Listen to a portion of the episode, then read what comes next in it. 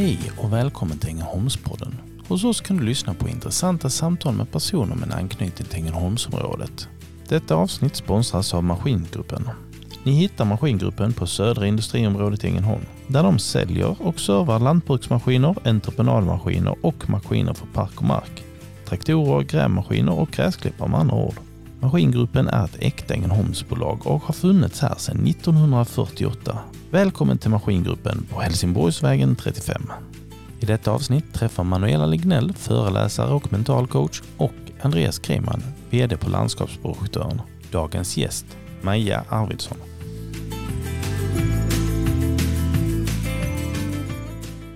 Hej och välkommen till Ängelholmspodden. Jag heter Manuela och med mig idag har jag Andreas Kreiman. Hej hej!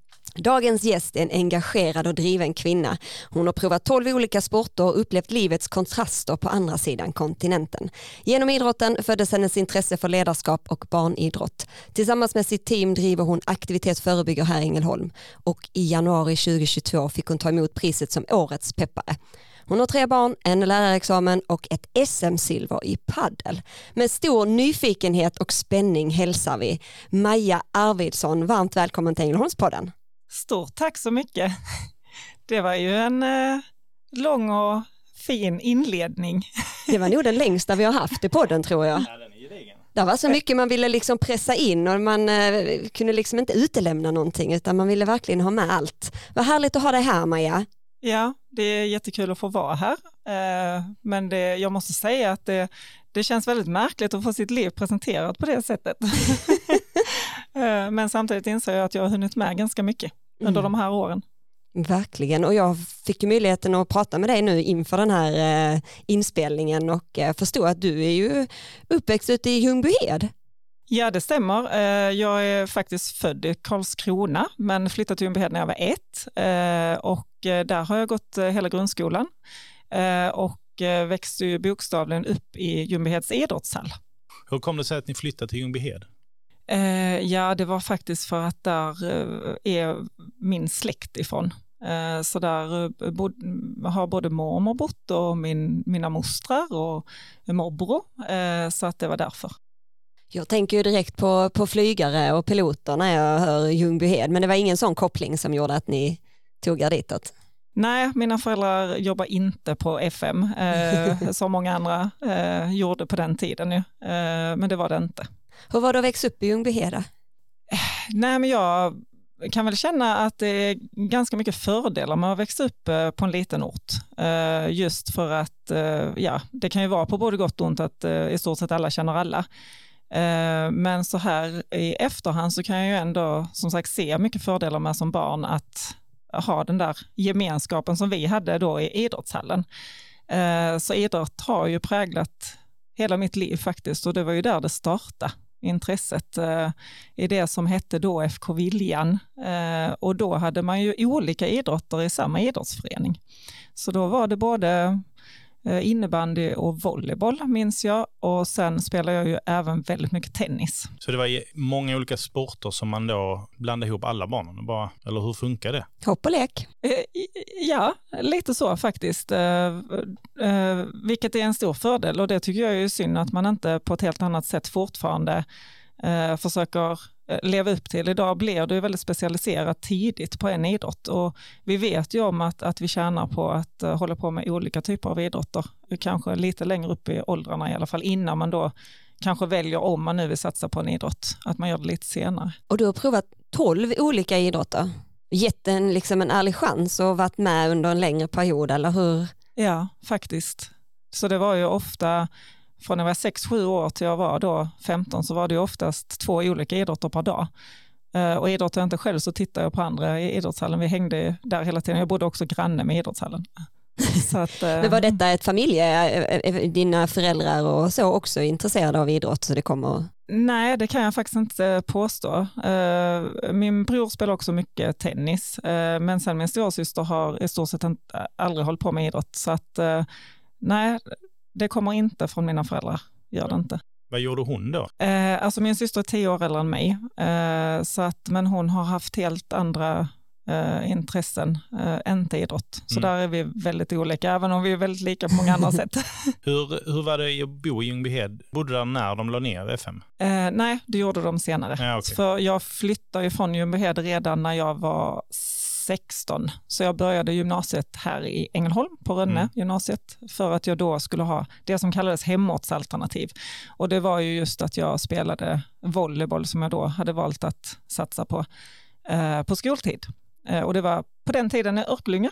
Vad var det som eh, gjorde att du valde volleyboll till slut? Tänkte du prova många olika sporter och sen var det volleybollen som blev ditt val? Ja, det blev det och jag tror att det hänger ihop med att jag valde faktiskt lagidrott eh, framför individuell sport. Det, var, det är ganska tufft att, att tävla eh, individuellt upplevde jag i alla fall då och så att det var mycket roligare att vara ett lag eh, och allt vad det innebär. Och det har jag ju sett idag att det är livslång framförallt vänskap som man får av lagidrott. Så jag tror det var det som blev avgörande och ledare, ledarna måste jag säga också. Mm. Ehm, och det är, ju, det är ju det som jag också brinner för ledarskapet och det kan jag ju se genom åren att jag har ju mött både mindre bra ledare och väldigt bra ledare och vilken skillnad det gör. För barnen i föreningarna ja. Ja. Mm. Alltså, var det en ledare som höll i alla sporter eller hade ni en massa olika? En fotbollstränare och en volleybollstränare och en Eh, tennistränare? Ja, det var, det var olika och alla de idrotterna var ju inte i samma förening, eh, utan FK William var ju framförallt så var det volleyboll och innebandy. Eh, sen var det en egen tennisförening och fotbollen var också eh, sin egen förening. Mm. Eh, men vi hade olika tränare beroende på vilken idrott. Var det mixlag och så då med killar och tjejer eller det fanns tillräckligt många barn för att ha separerade? Det fanns eh, tillräckligt många barn, så vi, vi, vi, vi var tjejer för sig och, och killar för sig. Sen ibland vet jag, William, där spelar vi för skojs skull ibland eh, blandat. Mm. Men eh, träningar och så var, var vi tjejer, framförallt då på volleybollen som jag tränar mest. Jag vet ju att en, en spännande och lite annorlunda period i ditt liv det var ju efter studenten eh, där du valde att åka utomlands Yes, för att spela beachvolleyboll. Stämmer det? det stämmer. Mm. Var Mm. var det du åkte? Eh, då åkte jag och eh, min eh, partner då, kompis Frida till eh, Florida, till Clearwater Beach. Eh, och tanken var ju att vi skulle spela så mycket beachvolleyboll som möjligt. Eh, sen visade det sig att tävlingssystemen där var inte riktigt som i Sverige, så det blev kanske inte riktigt som vi hade tänkt oss, även om vi tränade en hel del och spelade en hel del. Eh, men samtidigt var vi ju tvungna att försörja oss på något sätt och då, då var vi au pairer samtidigt. Och det blev inte heller riktigt som jag hade tänkt i den första familjen. Och då var där en annan familj som fick reda på att jag var där eh, och de tänkte väl mer eller mindre att vi får rädda den där tjejen eh, från den kvinnan som jag då hade hamnat hos. Eh, och då hamnar jag ju hos Robin och Howard som redan hade fem anställda, så de behövde ju verkligen ingen, au pair egentligen, utan det var mer som en extra syster till deras barn och jag fick köra dem till träningar, till fotbollsträning, karateträning som passade mig alldeles utmärkt eh, och till skola och, och sådär. Eh, men fick också uppleva hur det är att leva i eh, rikedom för Mm. att eh, de villorna och de familjerna där innanför grindarna var ju tio hus som hade obegränsat med tillgångar. Mm. Ehm, Så att det var ju väldigt speciellt men kul att få uppleva eh, och väldigt, jag lärde mig väldigt mycket under den tiden. Jag var där nio månader. Ja, så det är en rolig tid att se tillbaka till. Jag har kontakt med familjen än idag och vi har varit och hälsat på flera gånger, senast nu fyra år sedan med våra tre barn. Så det har varit väldigt värdefullt. Bor de kvar i samma gated community som, som innan? Ja, det gör de. Eh, bodde ju granne med Nigel Mansell eh, där och eh, Lisa Marie Du smilar lite som- Andreas här. Ja, nej, men Formel 1 ligger mig varmt upp till hjärtat. Eh, Men hur var det liksom, bara beskriva liksom, för det var fler kändisar i den här eh, communityn och, och få liksom vara i den världen. Vad, vad tog du Mm. med dig därifrån liksom? Ja men det var det ju. De hade ju också eh, ett ställe i Telluride där vi var och åkte skidor eh, och det var ju också kändistätt. Eh, Michael Jordan och Patrick Swayze och, och sådär. Och ja det är klart jag var 20 år då och tyckte att det var fantastiskt att få uppleva såklart. Men samtidigt så hade jag ganska mycket samtal med min au pair mamma Robin om det här med lycka kontra då mycket pengar och så vidare. Och, ehm, eh, de, både Robin och Howard kom ju själva från medelklassfamiljer och faktiskt eh, eh, från lite mer av fattigdom och har byggt upp det här på egen hand. Så de var väldigt genuina och varma människor i detta och menar som så att vi hade kunnat ha mycket större hus, vi hade kunnat ha fler, eh, många fler bilar, men vi kommer inte bli lyckligare av det.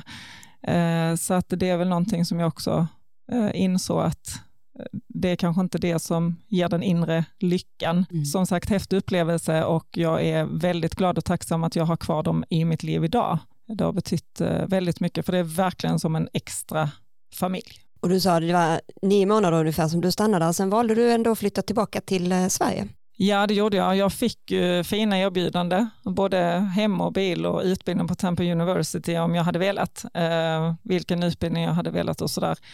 Och det undrar ju kompisar hemma, hur är det möjligt att du kan tacka nej till ett sådant erbjudande? Men jag tror att uh, jag gjorde det för att jag kände mig inte helt trygg i den typen av samhälle. Mm. Att det var väldigt stora skillnader, så utanför där jag fick förmånen att bo var ju getton, två mm. kvarter bort, där det var ja, riskmiljöer helt enkelt. Så jag kände mig inte trygg och jag har alltid också velat vara nära familjen, som betyder väldigt mycket för mig. Så att, eh, därför vill jag flytta hem till Sverige igen. Och när du väl kom hem till Sverige, vad, vad valde du att göra då? Eh, då valde jag att börja på lärarhögskolan.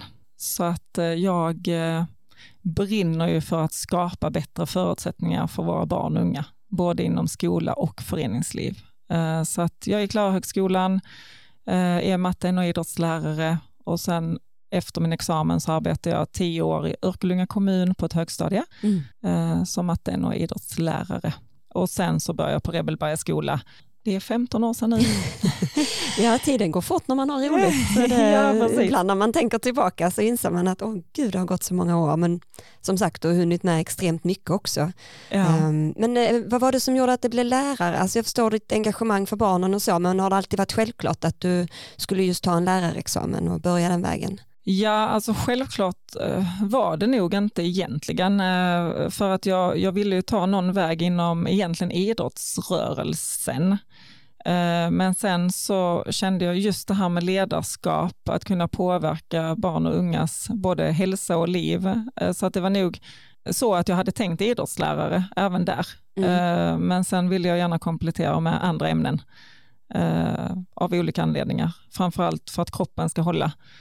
Eh, eftersom att jag också är väldigt aktiv på min fritid och tränar själv och så, så vill jag kombinera med då eh, matte som jag hade på Rebelberg. Då hade jag ju en matte och idrottslärartjänst. Men att jobba med barn är, har väl varit ändå ganska självklart, känner jag. Barn skapar ju inte sina egna förutsättningar och det tänker jag är viktigt att komma ihåg. Och jag känner ju framför allt eh, att det är väldigt meningsfullt att få jobba med barn och unga och kunna påverka deras liv i form av då eh, förbättra hälsan, men också genom det då eh, gå ut med godkända betyg i skolan. Det är ju den absolut viktigaste friskfaktorerna och skyddsfaktorerna vi kan ge våra barn, förutom då föräldrarna som är de viktigaste såklart.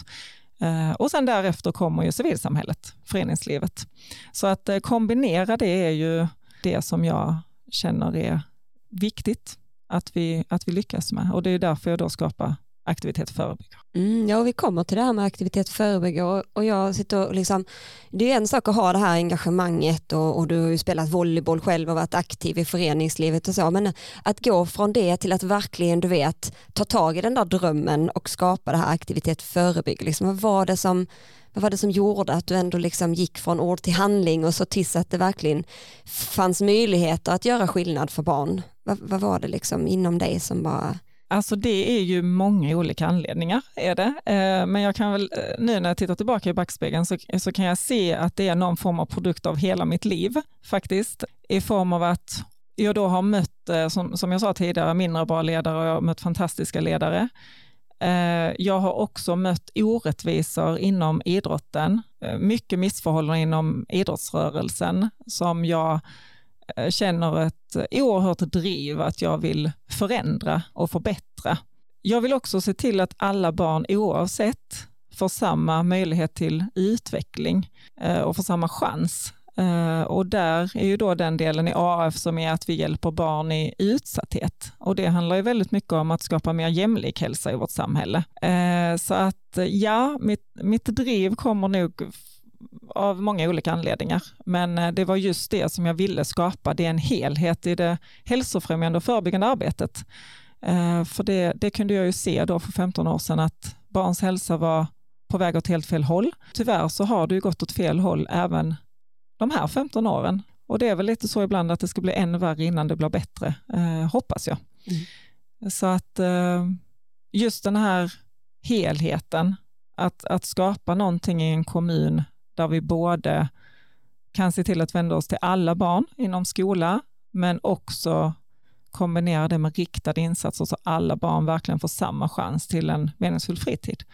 Jag tänker för de som nu lyssnar som kanske inte är så insatta i aktivitet förebygger, vill du bara ge en beskrivning, eh, vad, vad är aktivitet förebygger?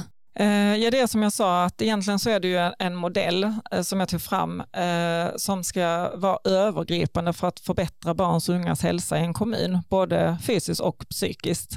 Så det handlar ju om att få till det här holistiska synsättet vad det gäller hälsofrämjande och förebyggande insatser i stort.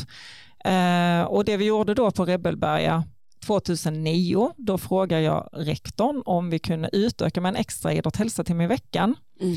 Och istället för att ha med som idrottslärare så ville jag lägga den i en föreningsregi. Mm. Och det gjorde vi. Så mina 65 elever fick ju då en gedigen prova på-verksamhet, för jag tänkte ju också tanken att rekrytera såklart så många som möjligt in i föreningsliv eftersom att vi vet att, att det är väldigt bra om man bedriver det på ett bra sätt. Eh, så så blev det. Så att mina 65 elever hade ju judo, innebandy, simning, vattenpolo och bowling första läsåret. Eh, och sen eh, ville jag också se till som sagt att de barnen som inte annars skulle få chansen, som växte upp i, jag hade ett par elever som, som växte upp med missbruk då, och då sökte jag pengar, eh, ordnade utrustning, eh, körde dem till och från träning, kvällar och helger, för det behövs oftast stöd och hjälp eh, om du växer upp i ett hem med psykisk ohälsa eller missbruk eller vad det nu kan vara. Så att det blev ju väldigt bra resultat efter det där året och mm. eleverna tyckte väldigt mycket om att få testa olika aktiviteter på skoltid. Då. Mm. Eh, så det ledde ju till att jag fick fria händer att utöka till tio grundskolor i Ängelholm. Så idag är det ju 500 elever som har obligatorisk föreningsverksamhet på skoltid. Och förra läsåret så tror jag att jag hjälpte 100 barn i utsatthet ungefär, nya barn in. Det är två i veckan. Vilka skolor gäller det? Eh, alla skolor i Ängelholms kommun idag. Där är ett politiskt beslut på att alla ska innefattas av verksamheten. Sen, mm. ja, 12 år tillbaka är det. Och vilken årskurs är det? Vi kör eh, den obligatoriska delen så är det antingen årskurs 4 eller 6. Det beror på vilken skola man går på. Så de som eh, går in i stan på Montessori, Rebelberga, Villan och Södra, de tar ju sig ut till föreningarna Eh, på onsdagar mellan två och tre. Eh, så att de får ju vara i den miljön där, där föreningen håller till. Och det, det är ju en vinst med det, tänker jag. Mm. Men sen i ytterområdena så har vi då föreningar som kommer ut på plats och då har vi årskurs fyra. Där har vi gjort anpassningar så att det passar så bra som möjligt. Som RAP är till exempel på Lingvallen för där är bra förutsättningar. Mm. Och sen så på Magnat då kommer föreningar ut eh, till skolorna. Så det är lite olika lösningar men mål och syfte är ju detsamma med hela verksamheten. Men det kan se lite olika ut. Kan du se någon skillnad egentligen så om det är årskurs 4, årskurs 4 eller årskurs 6? Vilket är något, är något som egentligen är bättre eller sämre? Eh, generellt sett när det gäller förebyggande insatser, ju tidigare desto bättre. Mm. Men samtidigt så är det ju först i sexan de kan ta sig till sin aktivitet på egen hand. Vi kan släppa ut dem i trafiken. Så det är den anledningen till att det är årskurs 6. Och samtidigt så har vi så stort tapp idag, ganska tidigt neråt åldrarna i föreningslivet. Så där kan jag ändå se en väldig vinst med att vi gör eh, en insats då i sexan som gör att det finns mycket större chanser att man hittar någonting som man är intresserad av. Vi har gjort undersökningar på 1600 barn under fyra års tid och en tredjedel börjar faktiskt med en ny aktivitet efter man har testat på AF. Eh, så det är ju väldigt positivt och vi ser också att det ger ringar på vattnet på olika sätt. Att har man provat på någonting som man kanske inte visste fanns eller om man håller på med någon idrott redan så kanske man slutar med den och börjar med någonting annat. Och framför allt att vi försöker påverka motivation till ökad fysisk aktivitet. Mm. Så att vi vet ju att det är många exempel där vi har fått barn att faktiskt börja röra på sig och börja träna. Jag har ett väldigt starkt minne när jag tittade på en film som ni har skapat eh, för att visa just vad ni gör i aktivitet förebygga. Och det, det tar bland annat en, en, en, en flicka som berättar om sin eh, resa och hur AF i princip har räddat hennes liv. Där hon fick liksom tillgång till en annan miljö eh, och andra förutsättningar att faktiskt få vet, ut sin aggression, alltså få liksom tänka på annat. Och jag vet eh, mina tårar de rann när jag tittade på den och tänkte det här är helt fantastiskt. Kan vi hjälpa en så är det ju underbart och tänk så många genom dessa år som aktivitetsförebyggare faktiskt har hjälpt. Mm. Så det är en fantastisk insats ni gör för barnen. Mm. Tack så jättemycket. Och jag kan säga den solskenshistorien, det är precis som du beskriver, jag har ju väldigt många sådana exempel mm. under de här 14 åren. Och det är ju en ynnest att få jobba med det. Eh, som sagt, när vi pratar hälsofrämjande arbete så är det ju A och O att, att vända sig till alla barn för att få så goda effekter som möjligt på lång sikt. Men att få jobba med de riktade insatserna, det är precis som du säger, det, det, kan ju faktiskt rädda liv på ett helt annat sätt. Och där, där är det ju vi vuxna som måste ta ett gemensamt ansvar för återigen så barn skapar inte sina egna förutsättningar.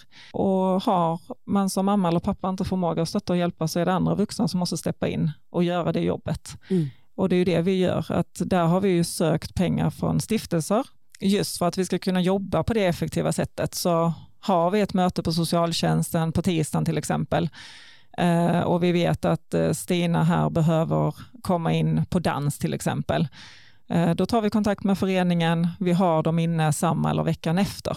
Och sen åker vi direkt och ordnar den utrustning som behövs och tar föreningskontakten och så vidare. Så att det ska vara snabbt, smidigt, enkelt. Mm. Sen kan ju en sån insats ta ibland tre månader beroende på om man behöver jobba med också att eh, hjälpa kanske mamma eller pappa med just hur vi ska förhålla oss. Vi utbildar ledarna. Jag får ett samtycke då och berätta barnets historia att det handlar så mycket om att kanske se och bekräfta barnet och se till att han eller hon får lyckas. För det, det är oftast det som, som är liksom absolut nyckeln till att, att de sen vill stanna kvar i föreningslivet. Så jag vågar påstå att bemötande och förhållningssätt är helt avgörande för hur väl vi lyckas med insatsen. Mm. Därför jobbar vi väldigt mycket med att ha en dialog med ledarna, hjälpa till, att vi är behjälpliga i den processen. Och då kan det ju vara så att jag behöver stanna på träningarna några veckor innan barnet känner sig trygg i den nya miljön. Det är ju det som är avstyrka. Det är dels bredden i det, men att eh, arbetssätten som vi jobbar, hur vi arbetar med barnen. Hur många är ni? Ja, det, det kan man undra Andreas. jag, jag har ju varit eh, ganska ensam under de här 14 åren. Eh, eh, perioder har det varit en heltidsanställning under tre, fyra års tid och sen en halvtidsanställning också under fyra år. Och sen idag så är jag väldigt glad för att nu har vi växlat upp. Så idag från, från nu augusti så är vi tre heltidstjänster. Eh, och det var välbehövligt, för det har varit ganska slitigt och, och rådde det här. Jag brukar säga det på skoj att det är som har drivit eh, eget företag i kommunal regi i 14 år. Jag vet inte om jag kan rekommendera någon att göra det. ja. Uh. Jag har haft förmånen att träffa en del av AF-eleverna eftersom jag har kört mental träning för dem och det är ju väldigt viktigt att vi jobbar med barnen på många olika sätt och stärker upp dem men just i det så har jag ju också träffat dig flera gånger och du är ju verkligen överallt hela tiden när det gäller de här barnen och eh, jag minns en gång till exempel när jag var på väg från, från hallen och du stod kvar där och då väntade du på, då var det något barn som inte hade blivit hämtad och då fanns ju du där att kunna liksom hjälpa till. Det är väldigt fint och jag egentligen när man tänker efter så borde det ju vara många fler resurser som hjälper er i aktivitet förebygger. Mm. Ja, men det håller jag med om. Det är klart att man önskar att vi hade satsat mer på det här. Som sagt, man får slita ganska hårt för det som borde vara självklart. Och, men vi, vi är väldigt glada för det du har gjort Manuela i Aktivitet förebygger. Mental träning är ju oerhört viktigt och vi har varit så himla glada att kunna erbjuda det också eh, för den bredden och mångfalden vi har lyckats skapa tillsammans. För det, det är precis det som, som jag också ser är vinsten med AF. Mm. Att det blir så himla mycket ringar på vattnet och win-win för mm. alla. Eh, alla de föreningsledare, alla föreningarna som är med i samarbetet och att vi då tillsammans får jobba med utveckling. framförallt då ledarskapet. Mm. Eh, det gör ju att vi tillsammans skapar väldigt mycket bättre möjligheter och förutsättningar för våra barn. Framförallt då ett förbättrat mående som sen hjälper skolan och, och som hjälper kanske hemma och, och på fritiden. Och det är så, intressant för jag fick ju eh, väldigt många som valde mental träning i början, det var ju för att man då slapp vara fysiskt aktiv. Och det tyckte jag var ganska spännande. Så jag, jag, fick ju den utmaningen ibland att jag frågade alltid liksom, varför har ni valt mental träning och bara ja men jag, jag ville slippa röra på mig. Jag bara, ja. Men det som var så fantastiskt det var att när vi hade kört ett par år så var det min mamma och pappa tyckte jag skulle gå på mental träning började komma lite barn och ungdomar och sen till sist så var det ju väldigt många, nej men jag vill faktiskt lära mig för bättre självförtroende och bättre självkänsla och det är väl det jag ser mest att vi behöver öka självkänslan bland våra barn och ungdomar och där mm. tänker jag att ledarskapet har en enorm stor eh, betydelse och jag vet att det är någonting du utvecklar och brinner för i aktivitetsförbygård. Kan du inte bara berätta lite hur ni jobbar just med ledarskapet i? Jo, eh, det var ju lite det som du var inne på Manella, alltså när du pratar engagemang och närvaro. Alltså när man står där och väntar på barnet och när man kör dem till och från träning och så. Eh, det är ju faktiskt avgörande. Och, och det, det, är exakt det vi eh, då försöker också skapa tillsammans med föreningarna. Men det kan också vara enkla metoder som gör stor skillnad för barnen. Eh, det vet ju du hur mycket vi, vi tjatar om det, alltså i form av en samling vid start, samling vid avslut, se alla barn, nämn dem vid namn, ledaren delar alltid in i olika grupper. Barn får aldrig dela in sig själva av den enkla anledningen att eh, risken för att någon hamnar utanför den här klumpen i magen har ingen att vara med. Så det är mm. ganska enkla metoder som, som gör skillnad för just tryggheten och känslan av att du är inkluderad på riktigt. Och det, det är precis att lyckas man skapa det så vågar jag påstå att i stort sett alla barn tycker det är kul att röra på sig. Mm. Så att vi, vi jobbar ju mycket med att hitta rörelseglädje, att se som sagt och ge mycket beröm, eh, ge mycket tips och råd så att man mm. känner den här, att gör jag den här skillnaden så så lyckas jag med det här och då blir det också roligare. Det är ju en växelverkan i det, att det hänger ju ihop. Och det är så jag också tänker att man skapar ett vinnande lag inom idrotten. Och det kan man ju egentligen applicera på vilka grupper som helst. Eh, det var ju det jag tänkte som lärare i klassrummet också. För 25 år sedan när jag var högstadielärare, det var inte helt Eh, kanske vanligt att man placerar sina 7, 8, 9 i klassrummet, men för mig har det varit helt självklart och att man är tydlig med att alla sitter med alla, vi kommer byta var tredje vecka och det är helt mm. okej. Okay. Och så att man just är tydlig med varför vi arbetar på det sättet och hur vi gör det och att vi gör det tillsammans. Och det tänker jag att vi kan bli bättre på generellt sett, både inom skola, förening, men också det här gäller även på arbetsplatser faktiskt. Eh, just hur vi bemöter varandra, att alla får komma till tals och att man respekterar varandras olikheter och att vi kompletterar varandra. Så att det vi jobbar mycket med, som jag nu har sagt väldigt många gånger nu, att skapa bättre förutsättningar för barn och unga, men att det också, alltså att, att det är värdegrundsarbetet mm. Eh, så, som är i fokus och som genomsyrar egentligen allt vi gör både den obligatoriska delen, när vi jobbar ut mot föreningar, när vi gör riktade insatser, så är det just värdegrundsarbetet som, som är det viktigaste. Hur skulle du säga att värdegrundsarbetet är i föreningarna? Så tar de, tar de det liksom så, detta är en jätteviktig del som vi måste jobba med, eller det blir lite så, ja, vi har jobbat lite med det och sen, sen går man vidare? Mm, alltså det, det är intressant att du tar upp det, för att där brukar jag säga så här att teori är en sak och praktik något helt annat. Och det är där vi har utmaningen.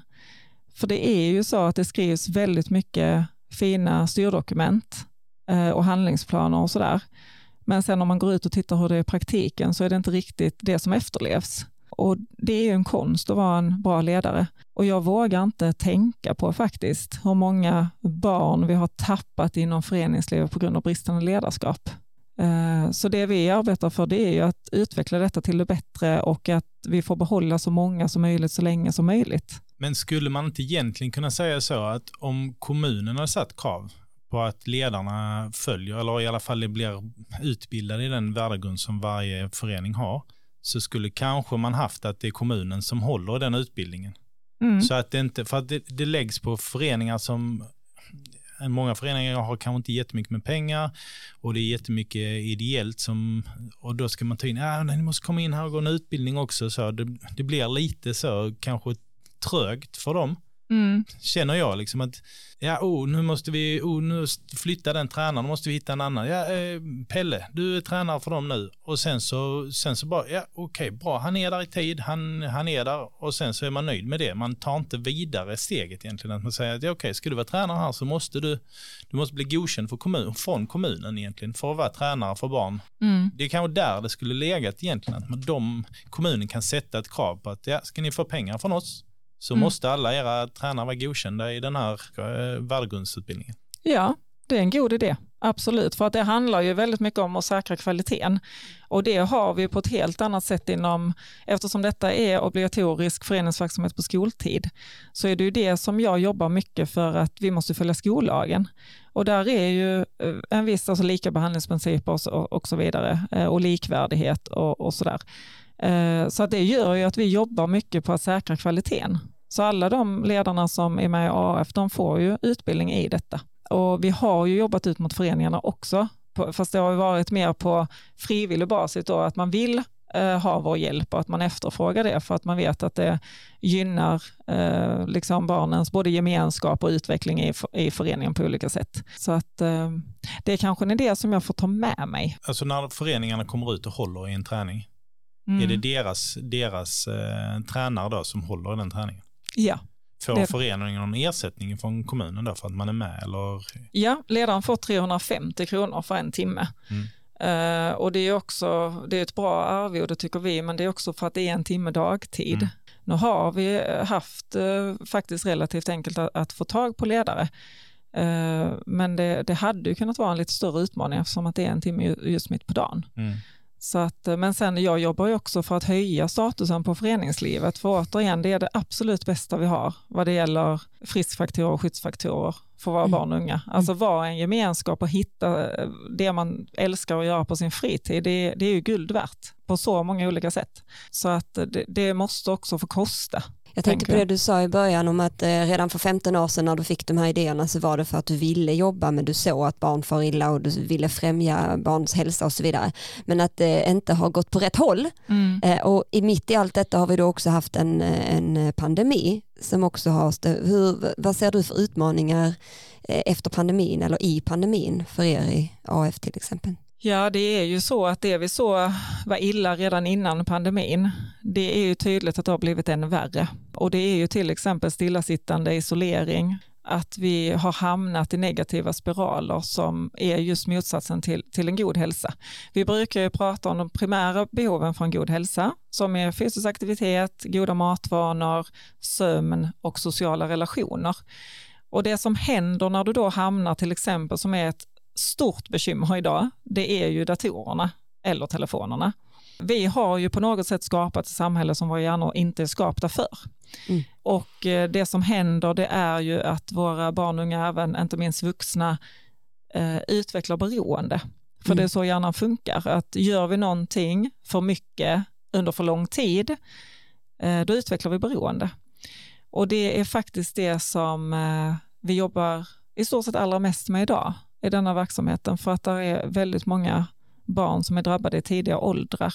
Eh, och det är, ing, det är ingen rolig utveckling, alltså just att leva med beroende, varken för den som är drabbad eller för hela ens omgivning. Så där har vi en otroligt stor utmaning, hur vi ska komma till rätta med detta.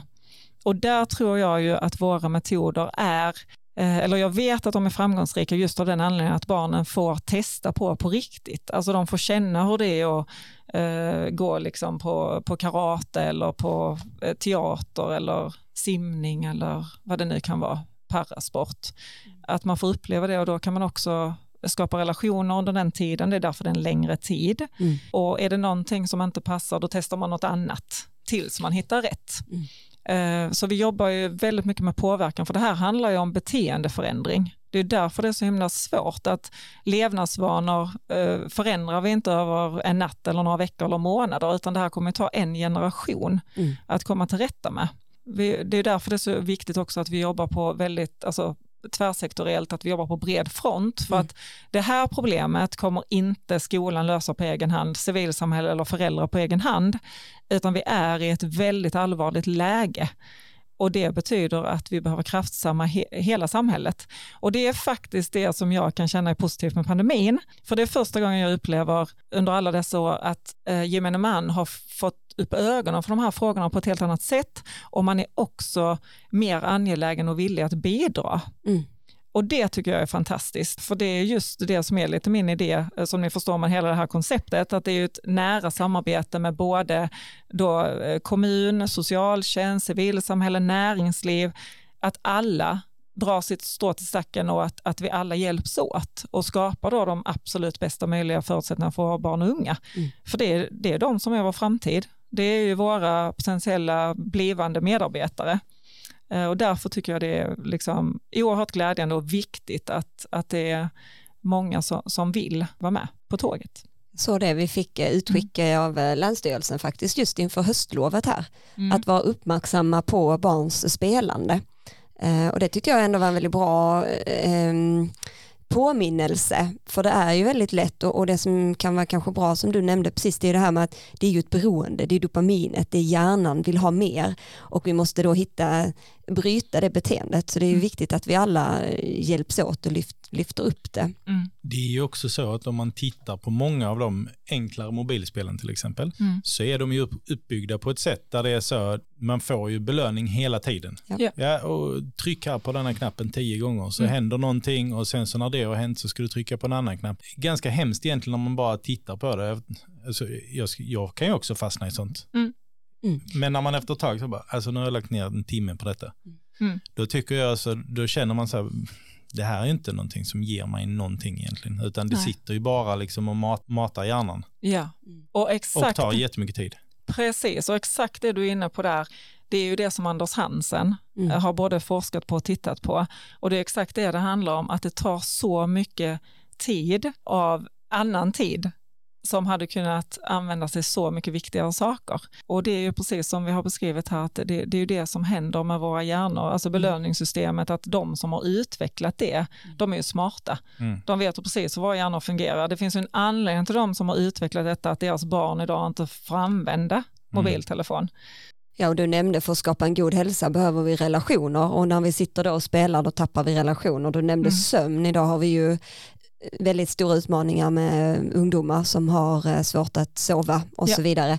Ehm, näring är också en sak, att man glömmer bort att äta för man sitter och, och, eh, med sin telefon och sen då det sista såklart med fysisk aktivitet. Yes. Vad, är, vad skulle du säga, vad är dina, hur tar vi oss vidare här? Vad, vad är nästa steg? Ja men det är precis det du beskriver Manuela där, att alltså, vi tummar ju på allt det som är det viktiga för, för en god hälsa. Och det handlar ju om, som vi har sagt, att bryta beteende. Eh, det handlar ju om att eh, ja, ändra våra levnadsvanor. Och som sagt, det är inte enkelt, vi har stora utmaningar, men vi behöver ju, känner jag, göra ännu mer av det arbetet. Vi är på god väg, men där finns ju så mycket mer att utveckla och göra ännu mer av det som visar då på att komma i fysisk aktivitet, eh, göra små förändringar så att man kan sova bättre, lägga från sig mobiltelefonen och så vidare. Och så vidare. Det, det, finns ju eh, många små förändringar man kan göra som kommer att göra stor skillnad på sikt. Där är ny forskning som, som jag tycker är superintressant och det är just det här med stillasittande. Om du sitter, sitter, sitter i fem timmar till exempel, då är det allvarligt för din hälsa på lång sikt. Men skulle du röra dig pulshöjande fem minuter varje timme, då är det så mycket bättre för din hälsa på lång sikt. Mm. Och där har jag faktiskt ett väldigt roligt exempel av, av min chef som cyklade hem en dag och då eh, var det en kille som var ute och spelade fotboll och så åkte bollen ut på cykelbanan så min chef då han stannade och tog upp bollen så sa han vad kul att se dig ut och spela fotboll, det gör man inte så ofta nu för tiden. Och då sa killen ja, det var hon där på aktivitet förebygger. Hon sa att om jag sitter och spelar en timme då ska jag ut och spela eller röra mig fysiskt fem minuter varje timme. och det var ju ett härligt exempel på liksom att, att man verkligen får till det i praktiken. Ja. Att man får ett ändrat beteende. Eh, så att eh, ja, det, det var skön bekräftelse på att, att, att de gör som vi säger. Och det sprider, ju, det sprider ju ringar på vattnet för det har ju Mm. nått även utanför Ängelholms eh, kommun och jag vet att du engagerar dig i olika, eh, eh, andra, alltså i olika projekt utanför Ängelholm. Kan du inte berätta lite om dem, bland annat eh, Skånsk innovation, eller vad heter det, Region Innovation, eller Innovation Skåne heter det kanske? Jajamän, Innovation Skåne eh, och sen är det ju då, ja det gör Region Skåne också. Men jag fick en anställning där eh, nu från mars, 20 procent. Och där arbetar vi med att sprida det som vi har pratat om. De här modellerna, arbetssätt, eh, hur vi kan få till då hälsofrämjande förebyggande arbete eh, i hela, hela kommunen på det här sättet. Och det, det är ju otroligt kul att få jobba med kunniga människor och som brinner för samma frågor. Så där, där får jag ju själv mycket, mycket energi ifrån som man sen kan, kan ta med sig hem. Och inte minst då på nationell nivå. Där är jag väldigt tacksam för att vårt kronprocesspar tog initiativ till Generation PEP 2016. För det har gjort att man får ju en oerhörd draghjälp. Ibland känner man sig lite ensam när man drar i folkhälsofrågor.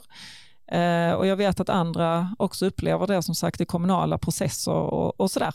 Och när det då blir uppmärksammat på det sättet som vi fick att kronprocessen var här på besök, då händer det ändå någonting, eh, upplever jag, att ja, det blir uppmärksammat och vi får upp frågan på ett helt annat sätt där vi då har fått möjlighet nu då att utveckla både på regional och nationell nivå. Men du sa innan att ni hade fått till ett extra idrottspass. Mm. Är det bara som gäller Ängelholms kommun då? Ja, alltså vi, vi tog ett politiskt beslut, eh, jag startade detta 09, Ja. eh, att då utöka timplanen med en extra timme. Och sen så blev det ju då att alla skolor ska innefattas, så det är alla elever i Ängelholm. Och det är ju det som också är unikt, att man tar det där politiska, så det är det vi uppmanar andra kommuner att göra nu. Att ta det där politiska beslutet, satsa på hälsofrämjande förebyggande insatser, tillsätt en samordnare så att vi verkligen, eh, som vi pratade om innan, just att man kommer från ord till handling. Vi kan inte sitta längre att säga att det här är illa, det här är allvarligt, vi måste göra någonting, Mm. utan det som räknas i slutet av dagen är hur många som har kommit i rörelse. Mm. Och det är ju det vi måste också då skapa förutsättningar för. Och det är därför jag tror på det här gedigen prova på-verksamhet och att det måste in i systemen. Och då samtidigt hjälpa de som annars inte skulle få möjlighet. De barnen som då växer upp i hem med missbruk, psykisk ohälsa, som inte, eller fattigdom inte minst. Att vi ser till att de faktiskt kommer ut i föreningen. Och då tror jag också att det är det här som vi pratar om. Då, då måste man vara engagerad, du måste, du måste köra till och Mm. från träning. Mm. Du måste vara med. Eh, Det, det är avgörande. Så att det är ju hela, alltså hela det här sammantaget.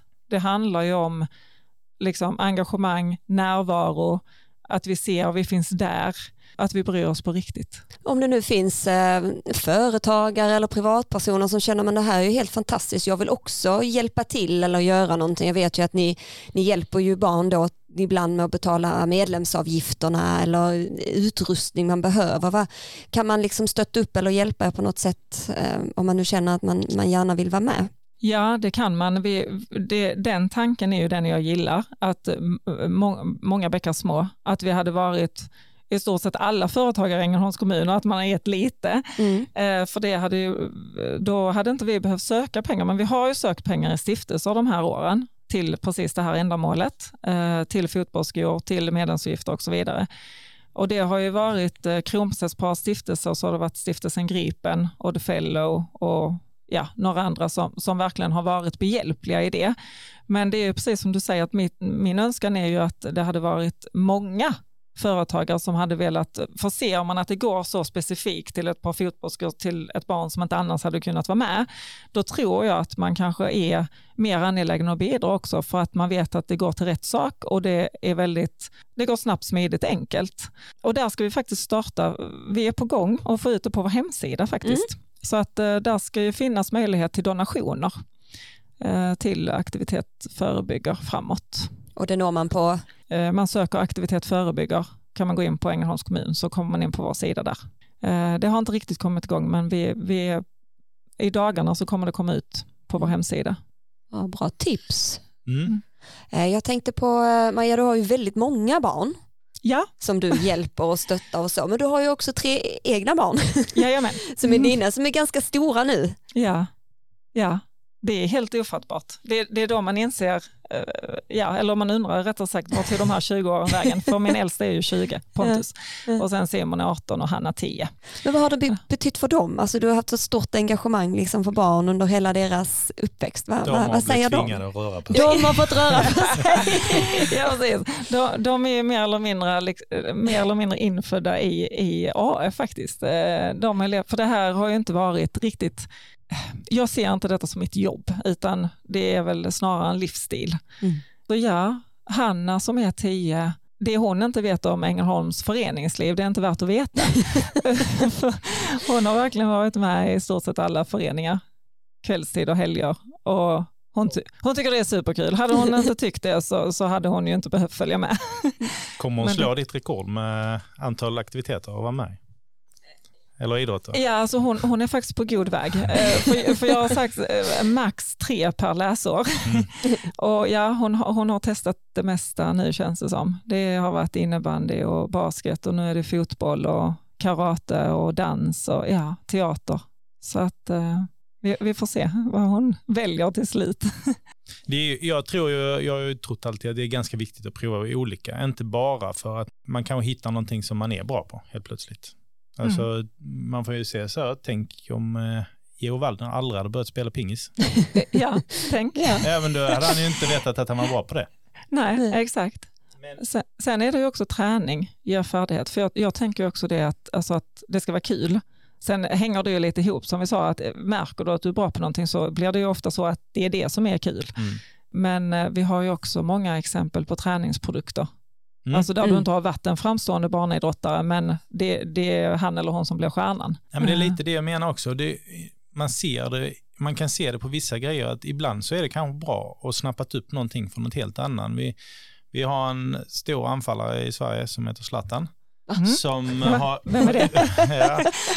Eh, Men han, eh, han har ju också gjort mål på sätt som man aldrig har sett någon göra mål innan. Och det tror jag inte bara för att han har spelat fotboll utan för att han har hållit på med kampsport bland annat. Exakt, Mm. ja, helt rätt. Eh, Mm. Och det måste man också se som, som klubb, att man inte man kanske inte alltid ska se det som en konkurrent, utan att man ska ja men vad bra att du, du spelar lite, Mm.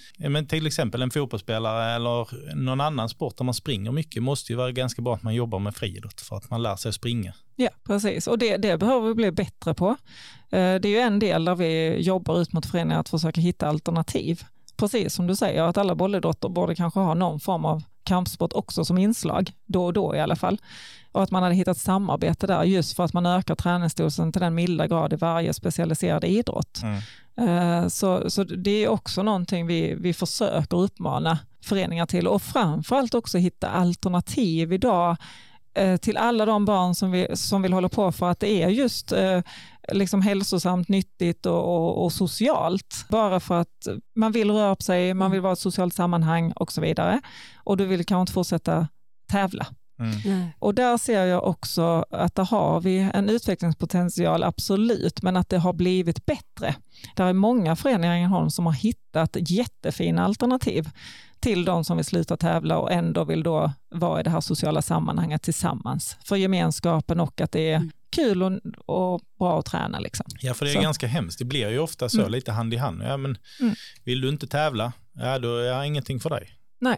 Och det är ju, det är ju ibland är det kanske bara en fas att man inte vill vara med och tävla.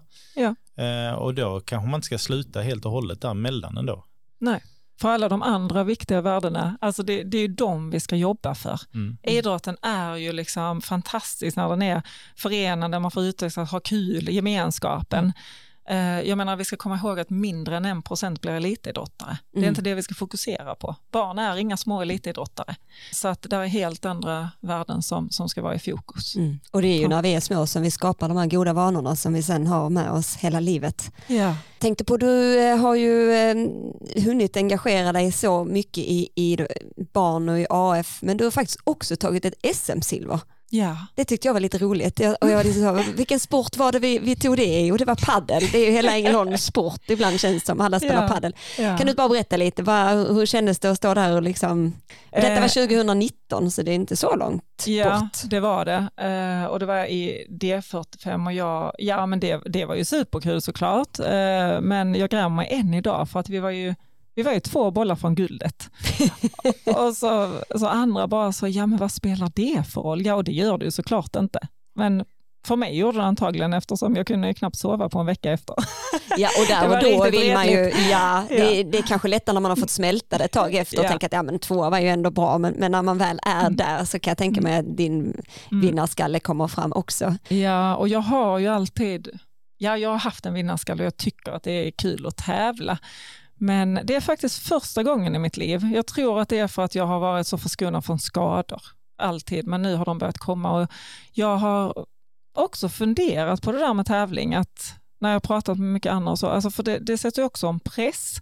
Och det, det är faktiskt första gången som jag kan också känna så här att det är inte alltid att man, man mår så bra av, av den där som man kan liksom få ibland prestationsångest och så. Så mm. jag har börjat fundera på det, för många älskar ju att tävla och andra gillar inte det alls. Och det tycker jag är intressant just det där när man är i det forumet, att hur är det egentligen? Mår jag bra av det eller gör jag inte? Så att det är ju en balansgång det där, alltså i idrottens värld överhuvudtaget. Det här med barnidrott kontra elitidrott och så vidare. Så att ja, det är någonting som jag tycker är superintressant och likadant alla olika kulturer inom idrotten eh, och så där. Det är ju sånt som jag har studerat nu i 20 år. Jag vågar inte tänka på hur många timmar jag har lagt på det. Men jag tycker det är intressant för att det händer ju, som jag sa innan, det händer ganska mycket saker som gör att vi tappar eh, många, framförallt barn och unga. Och där behöver vi bli bättre på det som vi har pratat om och hitta alternativ och bättre ledarskap och, och sådär. Det finns mm. mycket utvecklingspotential hör jag för våra barn och ungdomar. Jag tänker mm. Maja, vad har du för tips? Vad gör du för att bli hållbar över tid och hinna med alla de här bitarna som du engagerar dig i? Ja, det är en väldigt bra fråga. Eh, för det är ju första gången efter vår fina utmärkelse som vi fick, Årets peppare, eh, som det blev helt övermäktigt för mig faktiskt. Eh, så att det var ju superkul på många sätt, men det hade en baksida och det var faktiskt eh, min egen hälsa. Mm. Så det var första gången som jag ändå kände att jag inte fixade den där balansen. För det har jag alltid känt att även om jag alltid har varit väldigt engagerad och aktiv så får jag ju energi av, av mitt jobb. Jag har ju aldrig haft söndagsångest för att det ska bli måndag, utan det är liksom aldrig så här, åh äntligen fredag. Utan jag, det är ingen skillnad för mig om det är tisdag eller lördag eller vad det är. Utan jag har alltid älskat det jag gör och framförallt att jag alltid utgår från barnens behov och känner att, att det vi gör är väldigt meningsfullt. Eh, så det har snarare gett mig energi. Men jag har insett nu, så här gammal som jag är, att där finns ett tak för även det. För det var ju halva Sverige hörde av sig till oss efter priset. Så att eh, ja, det blev övermäktigt mm. helt enkelt eh, att svara på alla de där mejlen och telefonsamtalen. Så att, eh, och då, då är det tufft att veta hur, hur ska jag göra, hur ska jag hantera detta? Men jag tycker att jag har hittat, jag försöker hitta en balans och det handlar ju mycket om att då, återhämtning också, mm. som jag har insett. Jag har inte varit jättebra på det. Det var första gången i somras som jag hänvisar min mail faktiskt. Att jag, var jag visste inte hur jag gjorde det, så jag fick fråga min kollega Nicole. Jag bara, hur hänvisar man mejlen? Eh, vad menar du? Ja, att jag lägger in att jag är ledig. Så det var på tiden. Mm. Mm. Ja, det är viktigt. Alltså det, det är ju så också att gör man någonting som man tycker är roligt så blir det kanske lätt att man, man låter det ta över hela tiden och sen helt plötsligt så sitter man där så man bara, nu hinner inte med någonting längre för att allting är för mycket. Mm. Och det är svårt, det är jättesvårt mm. att, att, hitta en nivå på vad som är rimligt med ens mående. Mm. Ja, speciellt som ni säger att, att när man är väldigt involverad och när man nu, jag har ju fått liksom förfrågningar eftersom vi jobbar nu även i Innovation Skåne och Region Skåne, så blir det ju att man vill ju vara både där och sen samtidigt har vi en, vad ska jag säga, alltså det är en stor omfattande verksamhet här i Ängelholm mm. och behovet ökar ju vad det gäller till exempel riktade insatser. Vi får ju förfrågningar varje vecka om barn som behöver stöd och hjälp och eftersom vi vill vara effektiva där, att vi, vi vill inte att det ska vara någon väntan, eh, så är det, är det klart att det är viktigt att eh, prioritera och det försöker vi göra. Mycket, mycket fint arbete. Ja, Eh, verkligen. och- Och vi skulle kunna prata om det här eh, säkerligen mer än en timme till. Men jag tänker att vi ska gå över till de två sista momenten som vi har i Ängelholmspodden. Det första momentet det handlar om att eh, ni som är gäster här får ta med en eh, personlig sak. Någonting som så här ni, mm, ja, men ni känner lite extra för så att eh, vi kan ju ana lite kanske vad Maja har tagit med sig men vi är ju såklart nyfikna. Vad är det du har valt att ta med dig som din personliga sak? Ja, det var ju en personlig sak. Eh, annars hade jag tagit med mina tre barn för att det är det absolut bästa jag har. Men eh, då fick det bli priset som vi fick årets peppare. Kan du inte Eh, berätta lite för alla kanske inte har koll på vad är det här för pris och vem är det som delar ut det och varför? Ja, eh, det är ju, kronprinsessan tog ju initiativ till Generation Pep 2016 Eh, och det är då en organisation där Carolina Klüft är verksamhetschef idag och de arbetar ju för precis det vi gör egentligen på nationell nivå, alla barns rätt till ett aktivt och hälsosamt liv. Så att eh, om jag får bestämma så är det det finaste priset vad det gäller barns hälsa. Så att det delas ut då på Idrottsgalan i direktsändning och det var ju också superläskigt. Där hade jag ju inte heller sovit på en vecka. Eh, så jag, jag trivs ju väldigt mycket bättre bland barnen Mm. får jag säga. Men eh, nej, det var väldigt ärofyllt och jag är så himla tacksam för den här utmärkelsen och framförallt vill jag liksom lyfta och tacka alla dem som på något sätt har bidragit till AF, för vi är ju väldigt många människor som på olika sätt under de här 14 åren ändå tillsammans har skapat detta för våra barn och unga i Ängelholm. Mm. Nej, det, det kändes fantastiskt häftigt att få ta emot det. Mm. Och var eh, förvarar du det här priset på något speciellt ställe i ditt hem? Ja, det står faktiskt i köket där vi är mest. Vi kommer att lägga ut en eh, bild på eh, priset också så lyssnarna kan få se det fina priset som du har fått ta emot. Mm. Mm. Då har vi kommit fram till den sista delen som eh, är att alla våra gäster får skicka med en fråga. Så att framför oss här har vi en skål med lite papperslappar så att du kan få eh, krafsa runt lite där och välja ut en eh, lapp som du eh, kände för och sen så öppnar du den ja och sen läser du frågan och sen är du välkommen att svara på den.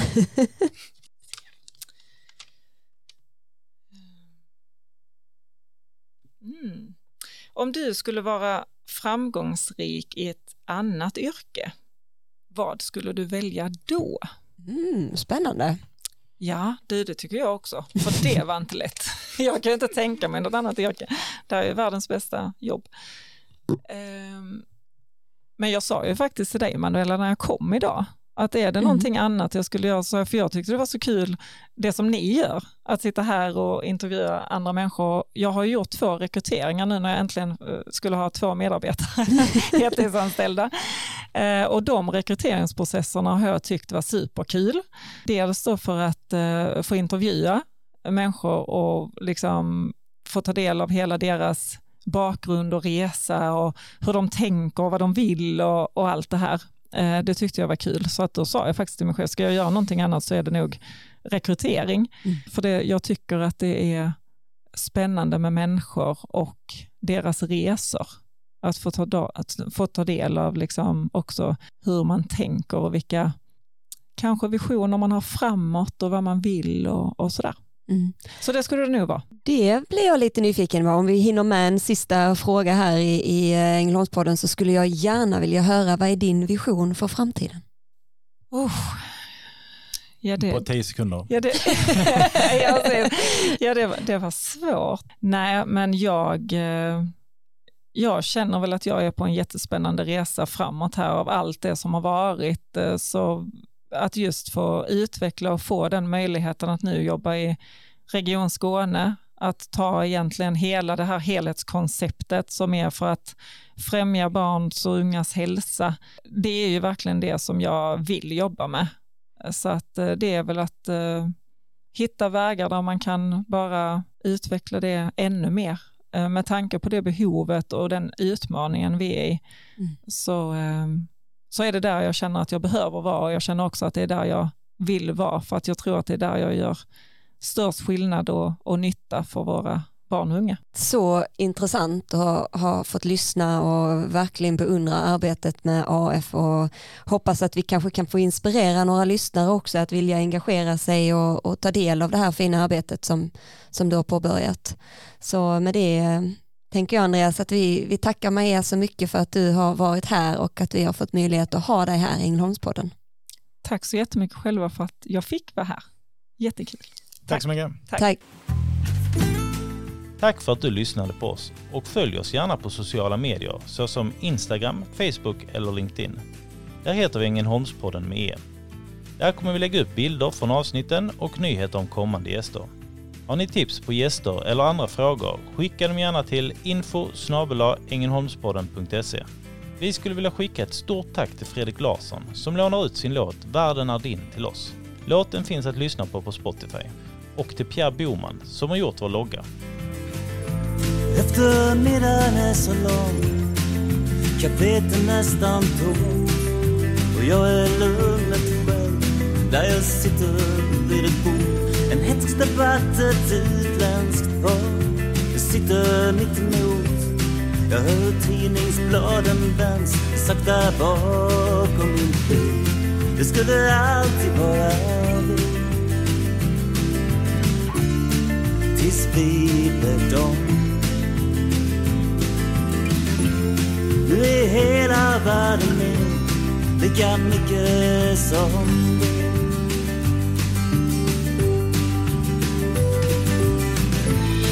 Och en livstid passerar.